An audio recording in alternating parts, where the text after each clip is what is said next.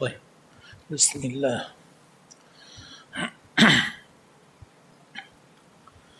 الحمد لله رب العالمين. له النعمة وله الفضل وله الثناء الحسن. صلوات ربي وسلامه على سيدنا محمد وعلى آله وصحبه الطيبين الطاهرين. في الحصة الماضية كنا قد تناولنا بالكلام الأمر والنهي. الآن ننتقل للكلام عن العام والخاص. بسم الله الرحمن الرحيم. الحمد لله وصلى الله وسلم على رسول الله. قال المؤلف رحمه الله وأما العام فهو ما عم شيئين فصاعدا من غير حصر. آه. اللفظ العام في اللغة هو ما يعم شيئين فأكثر من غير أن يكون اللفظ هو في مدلوله من من غير أن يكون اللفظ دالا على حصر في عدد معين. هذا معنى العام في اللغة. العام هو اللفظ الذي يعم شيئين فصاعدا من غير أن يكون فيه حصر في عدد معين. مثل السماوات السماوات تدل على ثلاثة يقال سماوات أربعة يقال سماوات خمسة يقال سماوات. من غير أن يكون في اللفظ ما يدل على حصر وإن كانت هي في الواقع محصورة. وإن كانت هي في الواقع لا تزيد عن سبع. لكن اللفظ نفسه ما فيه دلالة على حصر بعدد معين. من قوله عممت زيدا وعمرا بالعطاء وعممت جميع الناس بالعطاء أي شملتهم به ففي العام شمول. العام يدل على الشمول مأخوذ في اللغة من نحو هذا. عممت تقول عممت زيدا وعمرا بالعطاء هذان اثنان. وتقول عممت الناس أيضا هؤلاء كثرة. في هذا تقول عممت وفي هذا تقول عممت. من هنا قالوا العام في اللغة ما عم شيئين فصاعدا من غير حصر في عدد معين. هذا كله لغة. أما في الاصطلاح فالعام هو ما يدل على كل أفراده على أفراده فردا فردا. هذا هو العام. بلفظ واحد يدل على أفراده جميعهم يتناول كل أفراده. هذا في في اصطلاح الأصوليين.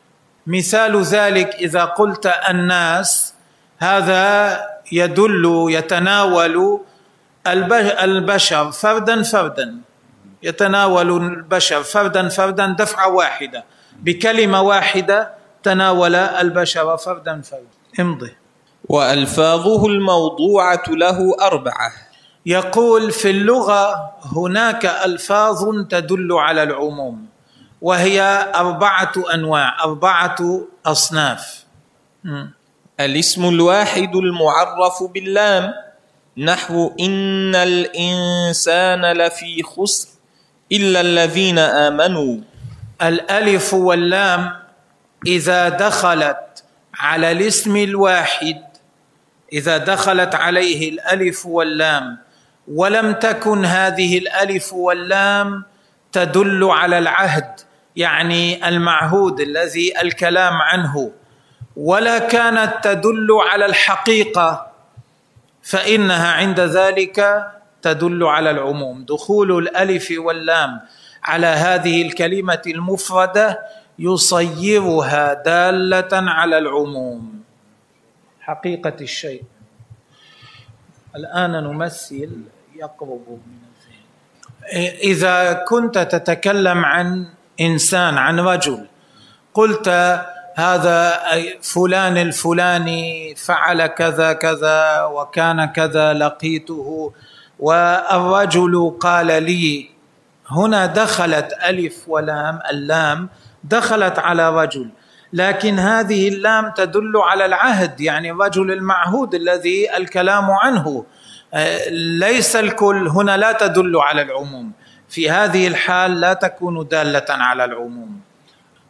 وكذلك إذا كنت تريد من الألف واللام الحقيقة.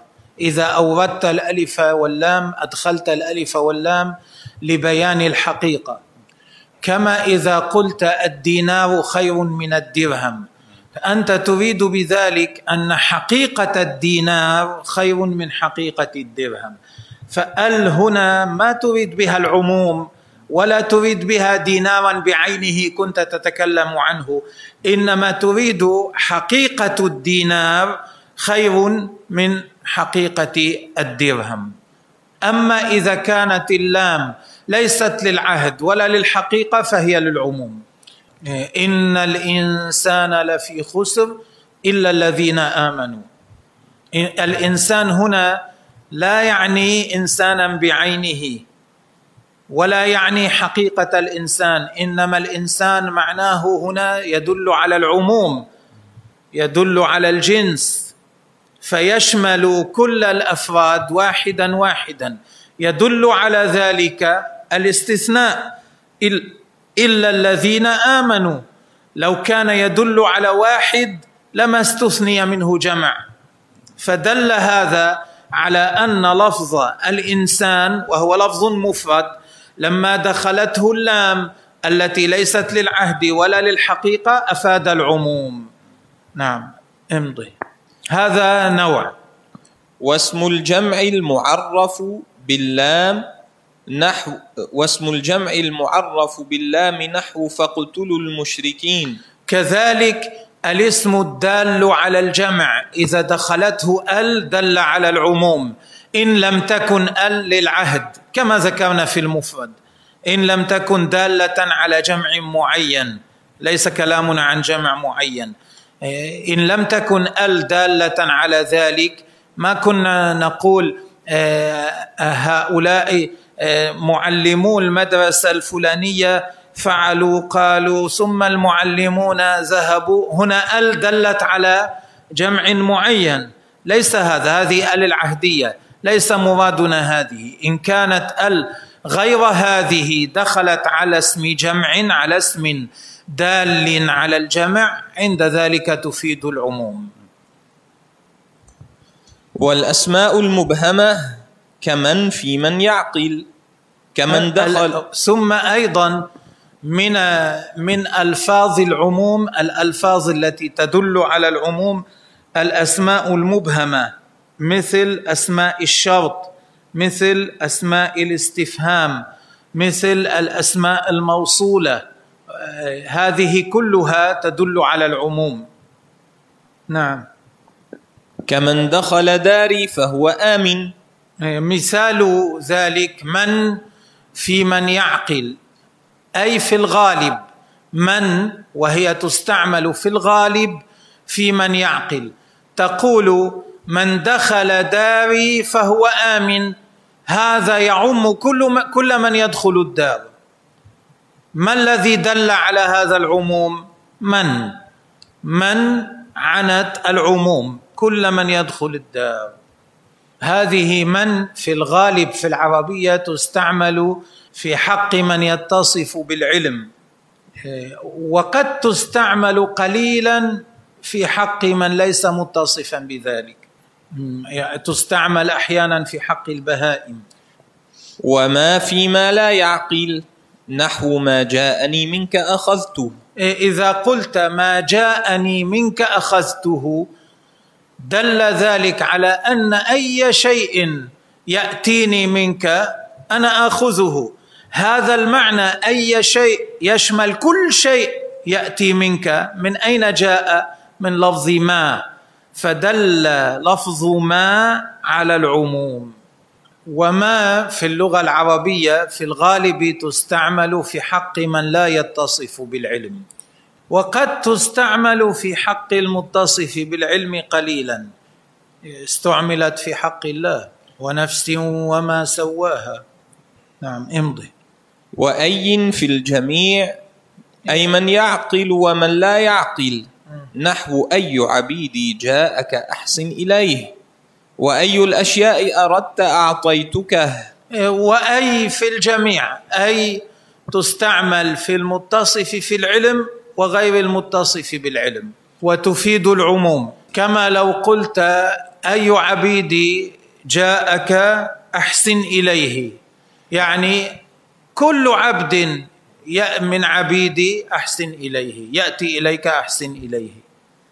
وتقول أي الأشياء أردتك أردت أعطيتكه. معناه كل ما تريده مني أنا أعطيك. هذا معنى العموم هذا. من أين جاء؟ من لفظ أي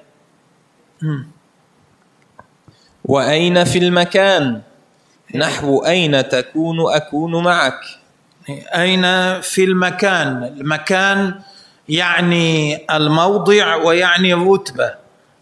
المكان يأتي بمعنى الموضع ويأتي بمعنى الرتبة.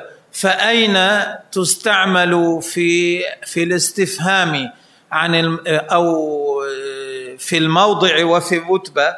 إذا استعملت دلت على العموم كما لو قلت أين تكون أكن معك؟ يعني في أي موضع تكون أنا أكون معك. في كل المواضع التي تكون فيها أنا أكون معك.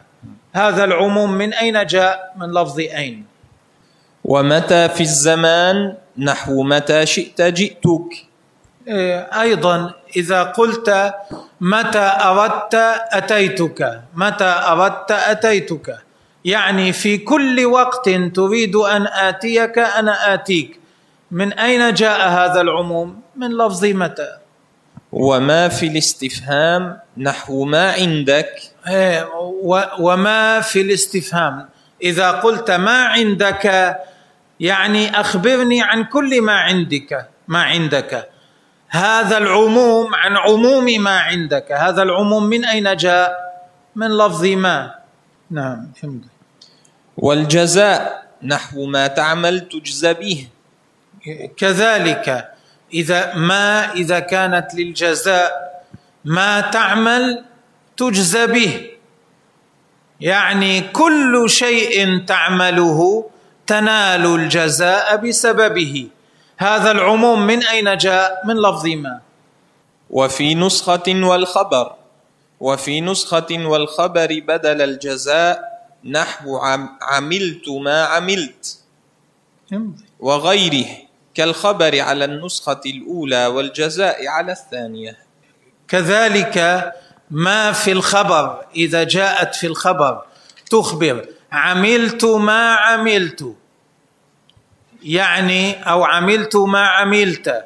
معناه كل شيء أنت عملته أنا عملته. من أين جاء هذا العموم؟ من لفظ ما.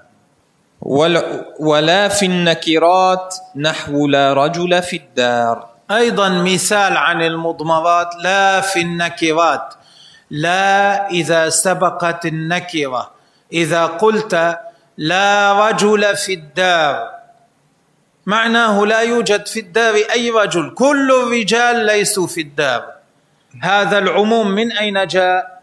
من لفظ لا. لا التي دخلت على النكرة. أيوه النكرة هي الاسم الذي يطلق على أي فرد من أفراد الجنس يدل على أي فرد من أفراد الجنس. إذا دخلت عليه لا دل على العموم في نحو ما ذكرنا. مثل رجل يدل على كل فرد من الرجال كل فرد من الرجال يقال عنه رجل.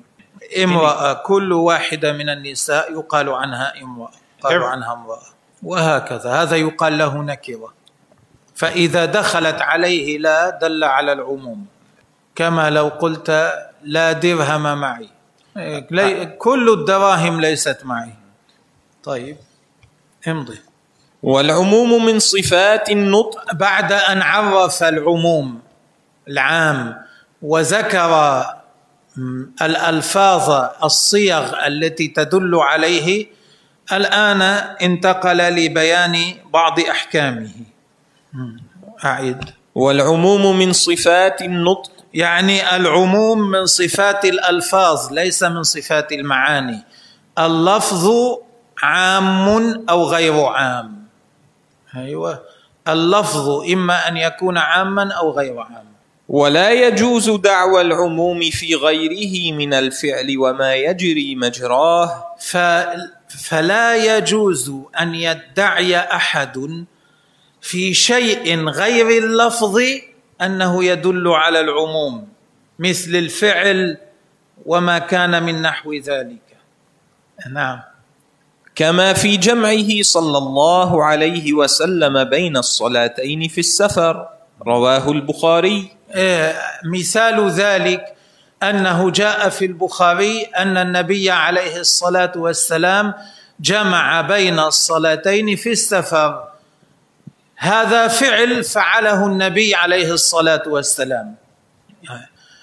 هذا فعل فعله النبي. لا يجوز أن يقال هذا الفعل يدل على العموم في كل سفر لأن العموم من صفات الألفاظ وهذا ليس لفظا. لو قال النبي عليه الصلاة والسلام اجمعوا بين الصلاتين في السفر لدل ذلك على العموم في كل سفر. لأن لفظ سفر لفظ مفرد دخلها ال دخله ال. هذه ال ليست للعهد ولا للحقيقة. فتعم تدل على العموم. لكن هذا ما جاء في الحديث. إنما الذي جاء في الحديث أن النبي عليه الصلاة والسلام جمع بين الصلاتين في السفر وهذا السفر قد يكون طويلا وقد يكون قصيرا وقد وقع الفعل في واحد منهما فلا يؤخذ منه العموم لكل سفر. نعم.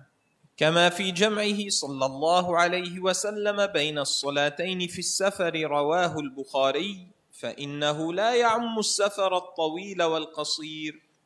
فإنه إنما يقع في واحد منهما. كما شرحنا كما بينا هذا كما بيناه. وكما في قضائه صلى الله عليه وسلم بالشفعة للجار.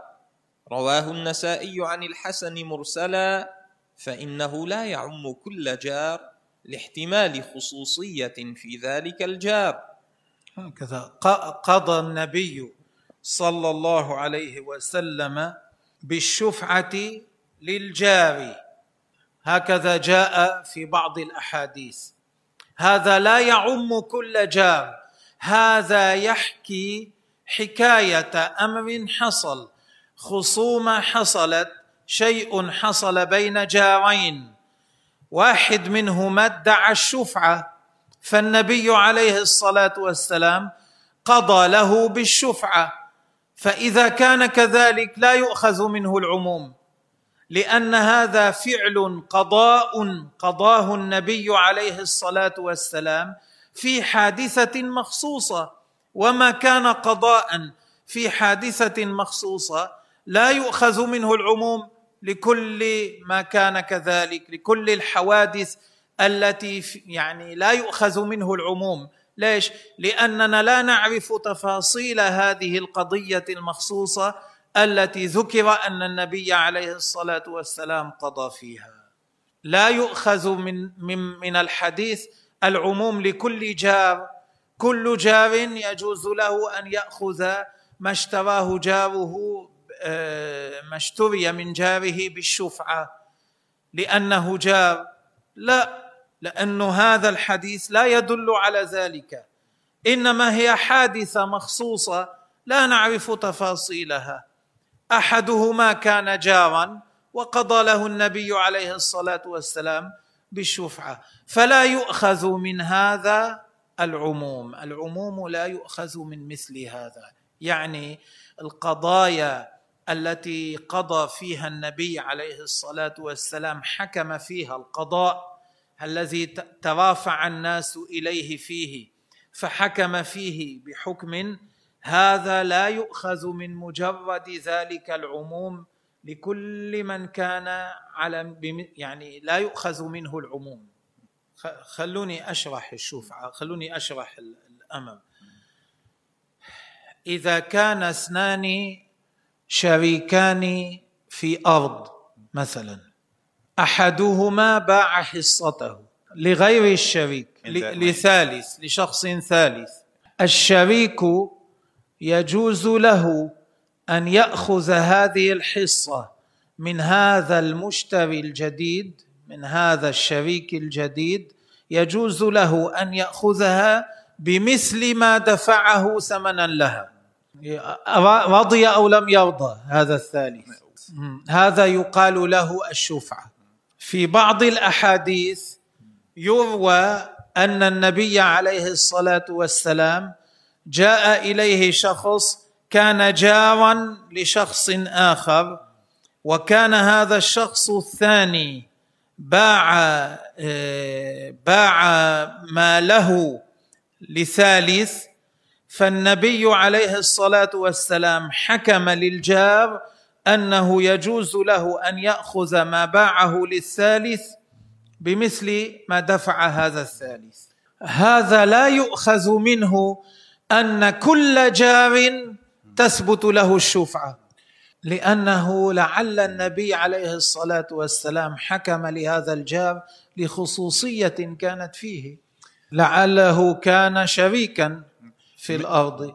فاذا ما كان مثل ذلك من قضايا حكم فيها النبي عليه الصلاة والسلام لا يؤخذ منها العموم. أعطيكم مثالا أسهل.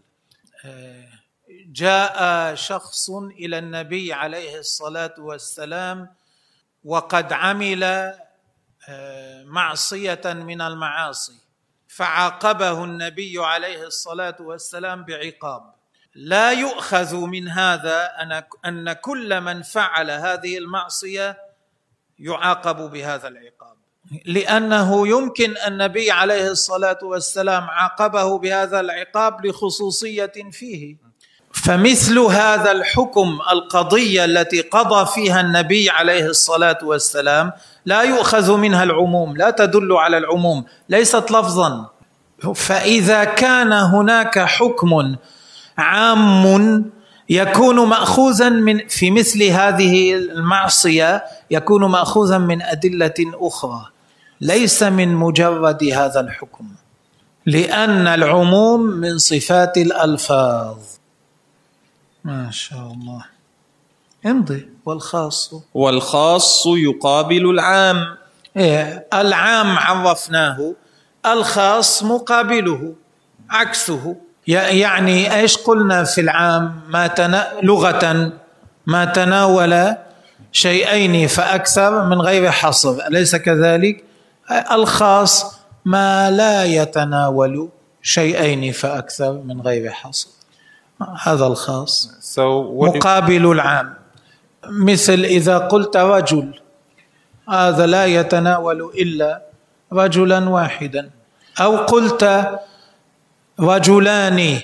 هذا يتناول اثنين فقط ولا يتناول ما هو أكثر.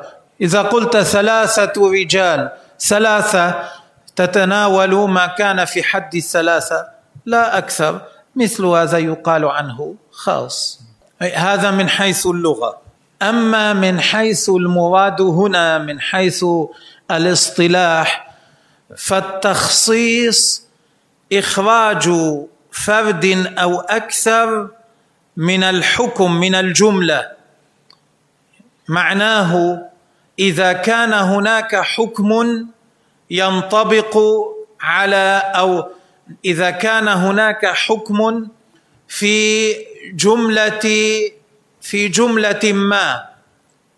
إذا است إذا أخرجت بعض الأفراد من تحت هذا الحكم أي قلت بأن الحكم لا ينطبق على بعض أفراد هذا الجنس. هنا يكون هذا تخصيصا. إذا كان حكم يتعلق بجنس معين إذا أخرجت بعض الأفراد من تحت هذا الحكم أي أن الحكم لا ينطبق عليهم لا يتعلق بهم وهم من أفراد هذا الجنس هنا يقال هذا تخصيص. خصصت العام. أخرجت بعض أفراده من تحت حكمه. هلا نمثل الآن إن شاء الله نمثل لذلك. مثال ذلك أن أن المواريث مرتبة في الشريعة. كل واحد حصته مبينة. ماذا يرث؟ مبين. الابن يرث كذا البنت ترث كذا. وهذا حكمه عام في الشريعة ألفاظه عامة. لكن جاء في الشرع أن الوريث إذا قتل مورثه لا يرثه. فلو كان ابنه أو بنته وقتلته لا ترث منه. فإخراج الولد إخراج الولد ذكرا كان أو أنثى من تحت حكم الوراثة في هذه الحال يقال له تخصيص. فالحكم العام مخصوص بهذه مخصوص أي بعض أفراده خارج من تحته. اللفظ الذي يدل على عموم الحكم بعض الأفراده خارج من تحته ليس مشمولا تحته. كيف؟ الله قال للذكر مثل حظ الأنثيين. يعني للذكر من الأولاد. الولد ذكر يرث ضعف ما ترثه البنت الأنثى. هنا الذكر دخلها اللام اللام التي تدل على العموم. وكذلك الأنثى. فيدل على أن كل ابن هكذا يرث لكن إذا كان الابن قاتلا لأبيه لا يرث فيقال إن هذا تخصيص لذاك. فيعرف أن المقصود بالذكر في الآية ما, لي ما لم يكن قاتلا. ما لم يكن قاتلا لأبيه. فلذلك العلماء ينظرون إذا ورد لفظ عام. العلماء ينظرون يوجد ما يخصصه أو لا يوجد ما يخصصه. يعني عندما نقول اللفظ العام يتناول أفراد الجنس هذا من حيث الأصل. هذا من حيث الأصل. لكن قد لا يكون كذلك. قد يكون بعض الأفراد خارجين من تحته ليسوا مقصودين ولا مرادين به. إيه، إخراج هؤلاء يقال له تخصيص. اقرأ هذا. والخاص يقابل العام فيقال فيه ما لا يتناول شيئين فصاعدا من غير حصر نحو رجل ورجلين وثلاثة رجال. والتخصيص تمييز بعض الجملة. أي إخراجه كإخراج إخراجه من الجملة. نعم امضي. كإخراج المعاهدين من قوله الذين لهم عهد. نعم. من قوله تعالى فاقتلوا المشركين. بارك الله فيك. هذا كله ذكرناه. إن شاء الله في الحصة القادمة نذكر إلى تفاصيل أكثر تتعلق بالتخصيص. بارك الله فيكم. نهلل.